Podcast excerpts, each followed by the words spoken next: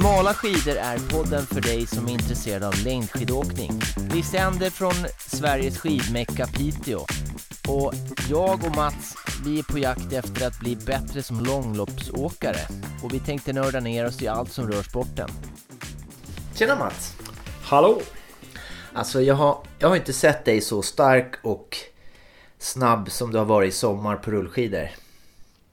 Men så hände det något för någon vecka sedan. Ja, det, det är så pang på något vis. Eh, men jag låg ju bakom dig, som jag ändå ganska ofta gör, fast vi båda är led fyra. Men, eh, och försökte komma ikapp i en kurva och eh, fick, skulle sparka mig ut ur kurvan och fick grus på innerskidan och föll ner och så sa det pang och lårbenshalsen gick av. Så att... Eh, Aj! onödigt, skulle Ja. någon ha sagt. Ja, precis. Men eh, det, det som är fascinerande är att du ska tillbaks. Du, Snabbt du som ska tusan. åka skidor på snö och inte tycka synd om dig själv. Utan... Nej, Alltså min fysio frågade om, om så här, vad målen var och då sa jag först lite försiktigt Vasaloppet för det är jag ju anmäld och det är ju verkligen målet. Men sen så är jag anmäld till ett läger med lager och du också för övrigt. Ja. Här eh, Ski Classics-premiären och det är ju ändå rätt tight deadline. Eh, men den tror jag stenhårt på så att jag, jag siktar på snabb comeback. Så det är rehab 100% nu. Ja, du är min hjälte. Men det här, det här är lite, lite vad vi planerade. För vi skulle ju spela in podd, föddes idén om skidåkning. Och det vi har gemensamt är vi gillar att gena. Vi gillar att liksom ha bra grejer, tänka, planera och sådär. Så nu blir ju du i alla fall tvungen att göra det stenhårt. Gena mycket, absolut. Och, och vi tänker att eh, vi, vi vill lära oss någonting genom att prata om skidor. För det gör vi ändå. Så det är som ganska naturligt tänker jag. Ja. Vi vill ha fler lyssnare än bara den omgivningen som tycker att vi är för nördiga menar du?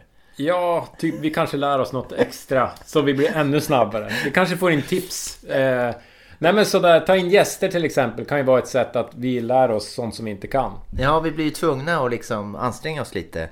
Och kanske få tag i folk som, som kan mer än oss. Så vi kan lära oss mer. Och vi, jag tror vi pratade om det här någon gång, men vi båda är ju ändå mellan... Eller jag är 50 fyllt nu, men du är ju inte riktigt där än. Men, men vi behöver ju så att säga... Vi vill bli bättre hela tiden och vi blir egentligen äldre. Så det utmanar ju fysiologin. Eh, så då måste vi ju verkligen utmana oss själva och hitta... Och vi tror att många, många blir äldre hela tiden, vad tror du?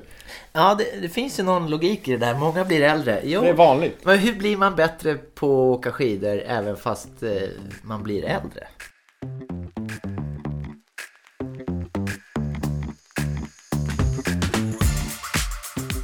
Det är en väldigt bra fråga. Men och jag tänker också det här med... Du har ju haft lite gubbvad, säger ryktet. Eh, och jag har också sett att du har kört alternativ träning när vi andra har sprungit som dårar upp för något berg och sådär.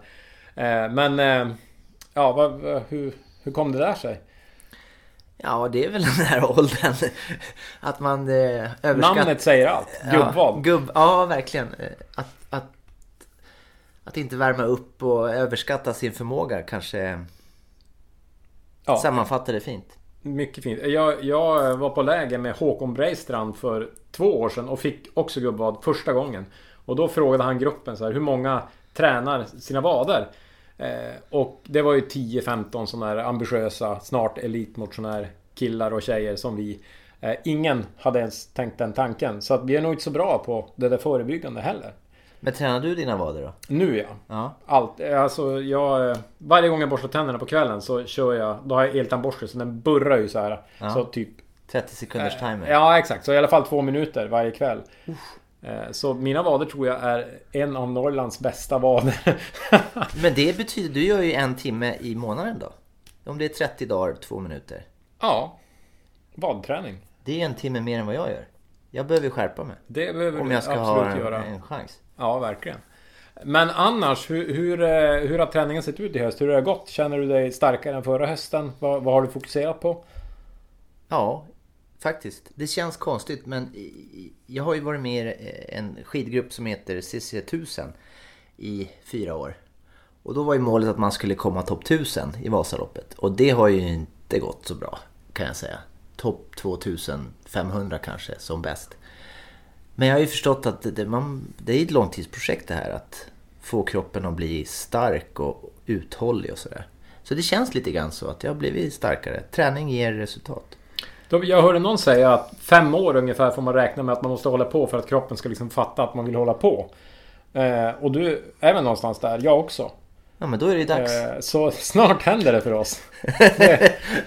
Vasaloppet ni- 2022. Ja, så ni lyssnare kanske får vara med när, när det händer för oss. När vi liksom bara exploderar. När vi blir bra. Ja, det låter skitbra. Ja. ja, roligt. Jag ser fram emot det här. Ja, jag också.